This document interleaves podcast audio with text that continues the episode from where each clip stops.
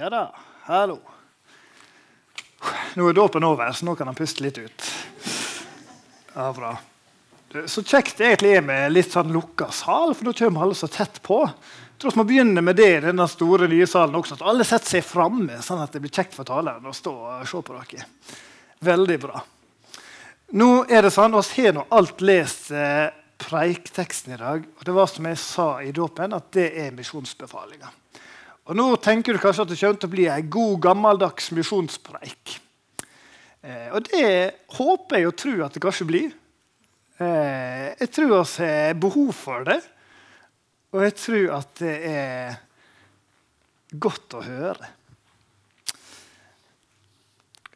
Så vi begynne med å be. Kjære Jesus, takk for at du er sammen med oss nå. Så ber vi at du må lære oss noe nytt i dag. Jeg ber om at du må være til stede med din ånd. Jeg ber om at oss må få kjenne hva du har til oss i dag. Så jeg har lyst til å be for søndagsskolegruppene som holder på underveis nå. Be om at eh, du må være med lederne som eh, underviser deg. Be om at de må kjenne på gleden av det, og be om at de må få lov å gi noe til ungene våre som sitter der inne og hører på. Be om at alle ungene som vokser opp her i Misjonssalen, må få leve. fortsette å tro på det og bli bevart hos deg. Legge talen i din hand. Amen.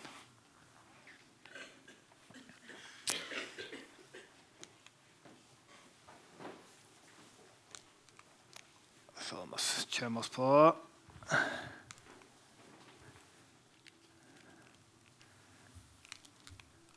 Der. Veldig bra. Vi skal lese teksten sammen. Men de elleve disiplene dro til Galilea, til fjellet der Jesus hadde sagt at han ville møte dem. Og Da de fikk se ham, falt de ned og tilba ham. Men noen tvilte. Da trådte Jesus fram og talte til dem. Jeg har fått all makt i himmelen og på jorden. Gå derfor og gjør alle folkeslag til disipler. Døp dem til Faderens Sønnens og Den hellige ånds navn, og lær dem å holde alt det jeg har befalt dere. Og se, jeg er med dere alle dager inntil verdens ende. Det er en kjent tekst. Jeg tror Mange av oss som sitter her, kunne kanskje ha sagt den eh, i fall sånn delvis på litt gammel bibeloversettelse utenat. Eh, jeg har lyst til å ha en sånn 'gå derfor ut'. Jeg har lyst til å, eh, å sette inn der, Men det står ikke i den nye oversettelsen. Eh, det er en tekst som oss kan. Og det er sånne tekster som vi kanskje leser litt, sånn som med trosbekjennelsen, at det bare kommer uten at vi tenker helt hva inneholder det i dag. Og Derfor skal vi se på eh, misjonsbefalinga litt nøyere. Vi skal begynne med de første versene. Vers 16 og 17. Men de elleve disiplene dro til Galilea, til fjellet der Jesus hadde sagt at han ville møte dem. Og Da de fikk se ham, falt de ned og tilba ham, men noen tvilte. Disiplene har fått beskjed om å møte Jesus. De har fått en avtale om at dere skal møte oss der på det tidspunktet. skal dere gå dit, og så skal jeg møte dere der. Og har dere tenkt på, Hva tror dere de tenkte når de gikk der? De hadde fått en beskjed for Jesus han hadde vist seg for dem. Thomas hadde fått kjent i hendene at eh, ja, det er Jesus, det er virkelig du. Hva tenkte de når de gikk rundt?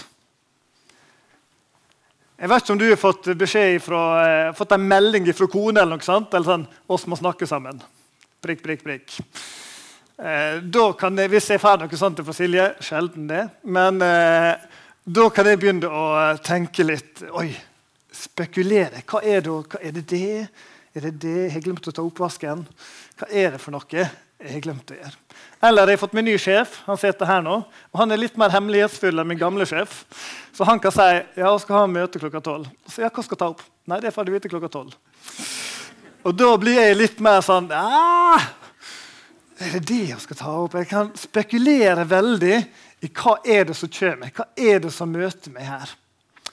Og Av og til er det det jeg tror, og av og til er det ikke det jeg tror. Jeg tror disiplene kunne ha vanskelig for å forstå hva det er som møter dem. Eh, og så ser det ut som at I teksten vår ser det ikke ut som at det er så mye flere enn de elleve. Men de som har forska litt på dette, her, de mener at det kan hende at det var flere som gikk opp på dette fjellet. Ikke bare de elleve disiplene. For det første Korinterbrev så sender det Deretter viste han seg for mer enn 500 søsken på én gang. Av dem lever de fleste ennå, men noen er sovnet inn. De som har sett på dette, tenker at ja, de 500 det er mest sannsynlig når de var på fjellet der, at det var flere folk til stede. Det var de elleve disiplene og mest sannsynlig rundt 500 til som møtte Jesus der.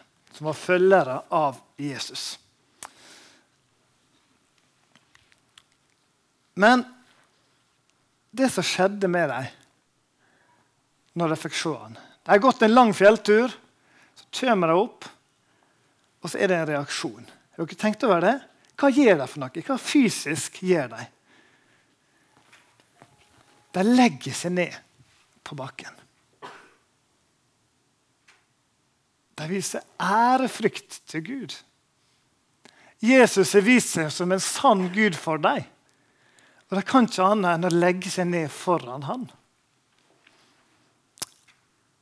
Og er det sånn når vi møter Jesus? Av og til Kanskje den gangen vi tar imot ham, så er det sånn Ja, Jesus, jeg legger meg foran deg. Men det jeg tenkte meg forberedte dette her Hva sist la jeg meg ned foran Gud?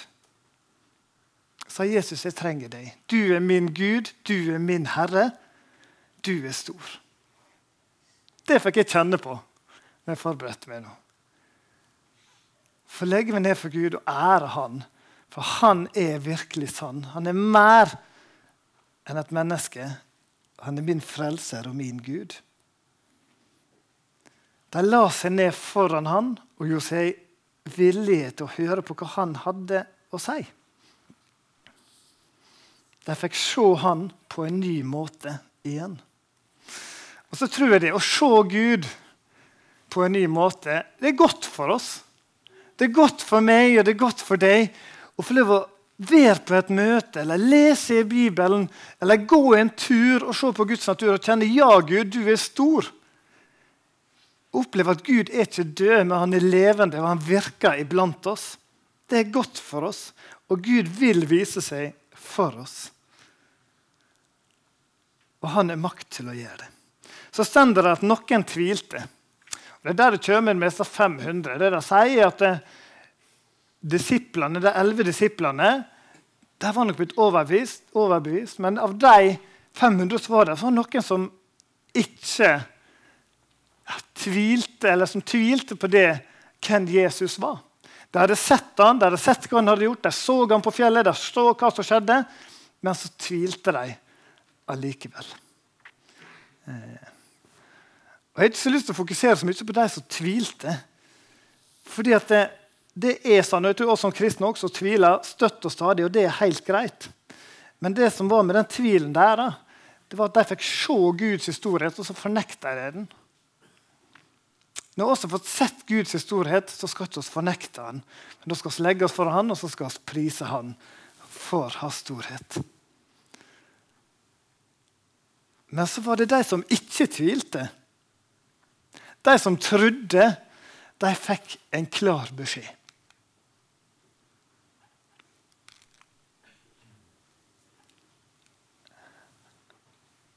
De fikk beskjed om å gå. Gå derfor. Eller gå ut. Vær i bevegelse. Og er oss ute og gjenger, er oss i bevegelse i vårt kristne liv, er oss ute og beveger oss med Jesus som veiviser, og la han lede oss, og gå med han, og gå for han.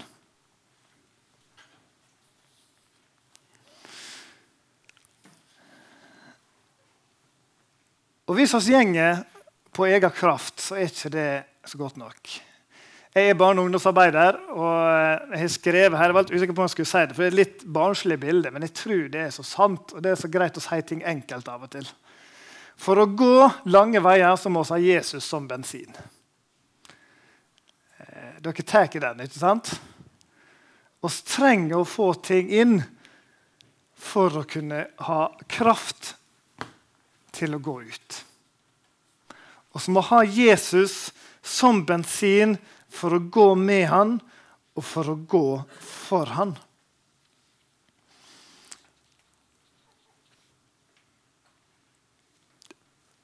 Det, det er sånn at eh, I søndagens tekst så er det gjerne et par lesetekster i tillegg.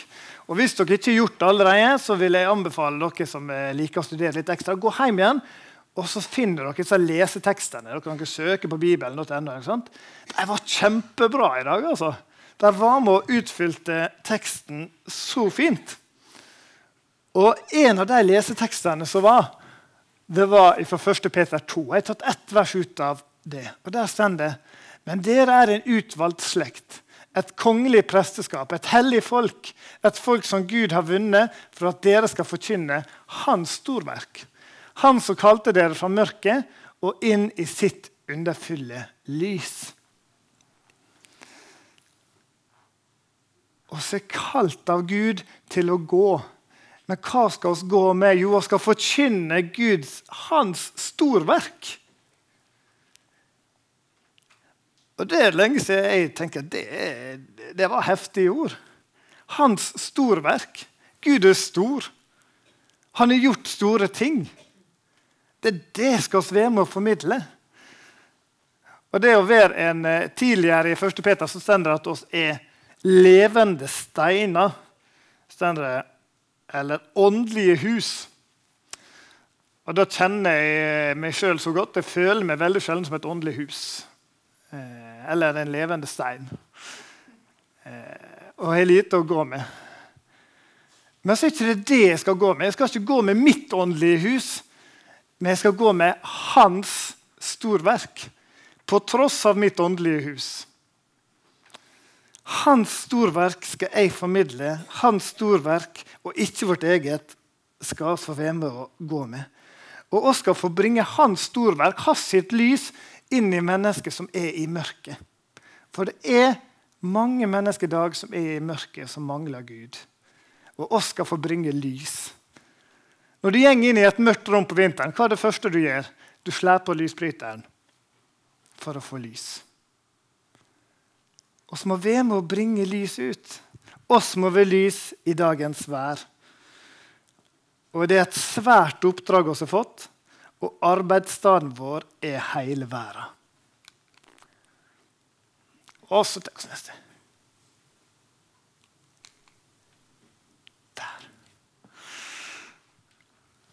For det er ett punkt til. Jeg er som sagt barne- og ungdomsarbeider. Og der står det at vi skal lære dem. Lær dem, sto det i teksten vår i dag. Jeg er også far. Eh, og det er ganske ivrige Gode ord, da, men viktige ord om at vi skal lære ungene hvem Gud er. Og Den andre leseteksten i dag, som jeg har tatt med litt mer av, det er ifra, ifra Jeg henger ikke helt med her, fra femte Mosebok. Med noen oppfordringer ifra han. Det begynner med at Herren er Gud, og Herren er én. Og skal elske Herren vår Gud av hele vårt hjerte, sier Gud i femte Mosebok. Og så skal vi på, har fått et pålegg om å bevare Gud i våre hjerter.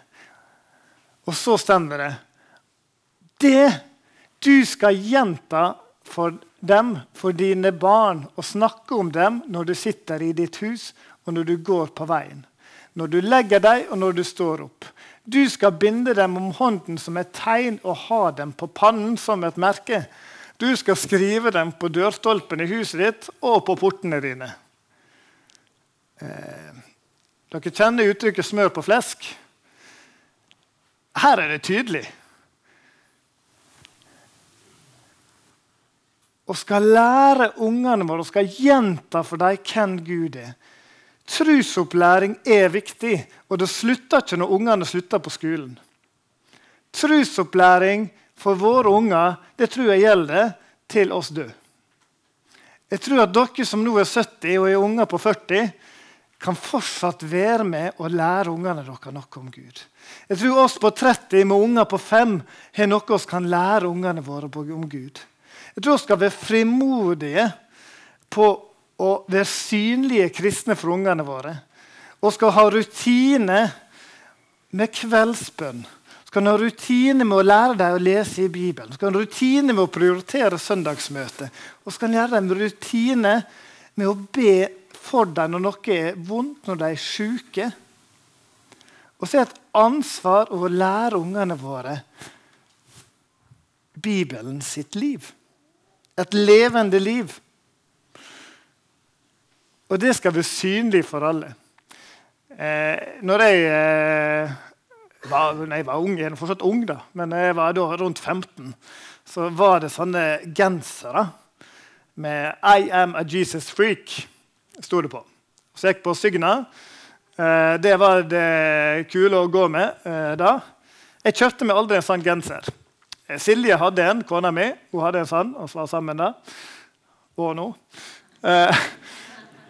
og når hun hadde på seg den, så var jeg litt sånn kan ikke, ikke ha på noe annet. Det er litt vel greit her inne på området, liksom, men ut til, til Sogndal, storbyen Sogndal, det var litt, det var litt verre.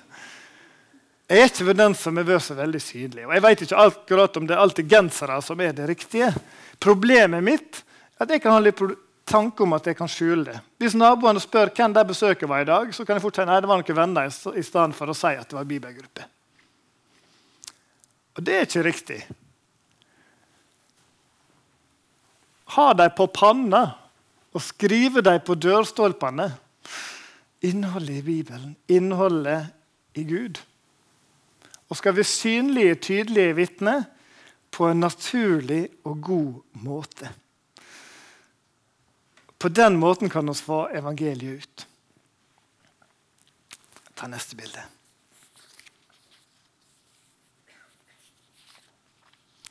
Og så er oss en del av en misjonsorganisasjon.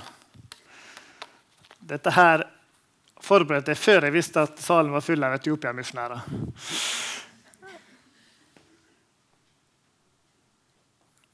Til alle folkeslag. Til alle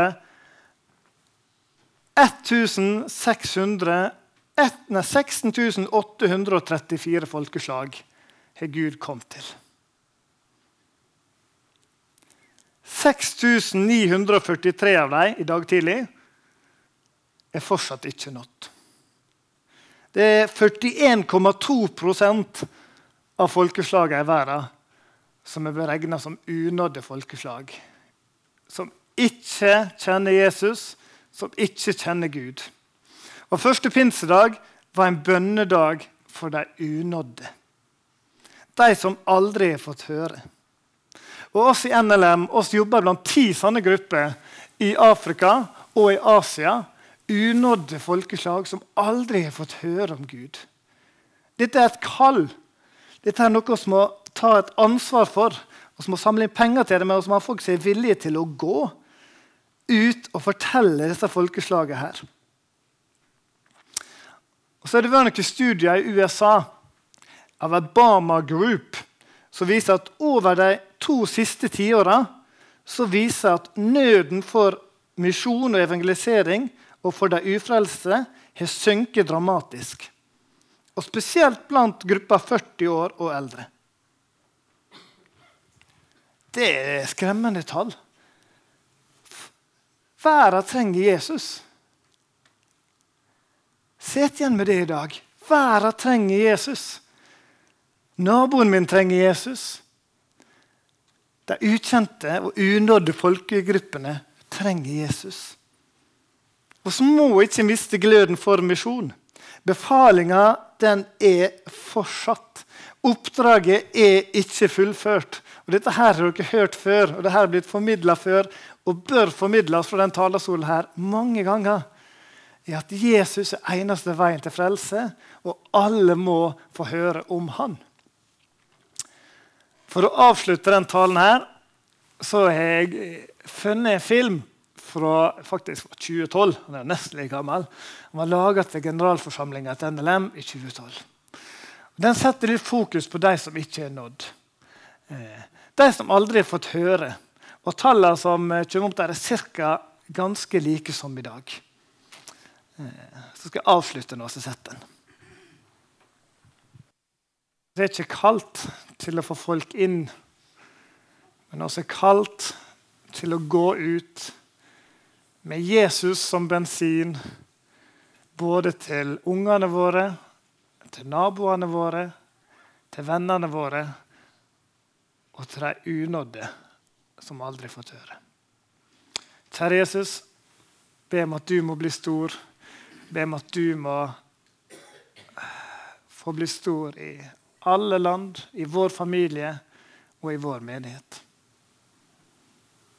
Takk for Den hellige ånd som er med oss, og takk for at du, Gud, er en stor, kjærlig, nådig og god Gud. Og takk for ditt løfte om at du vil gå med oss. Amen.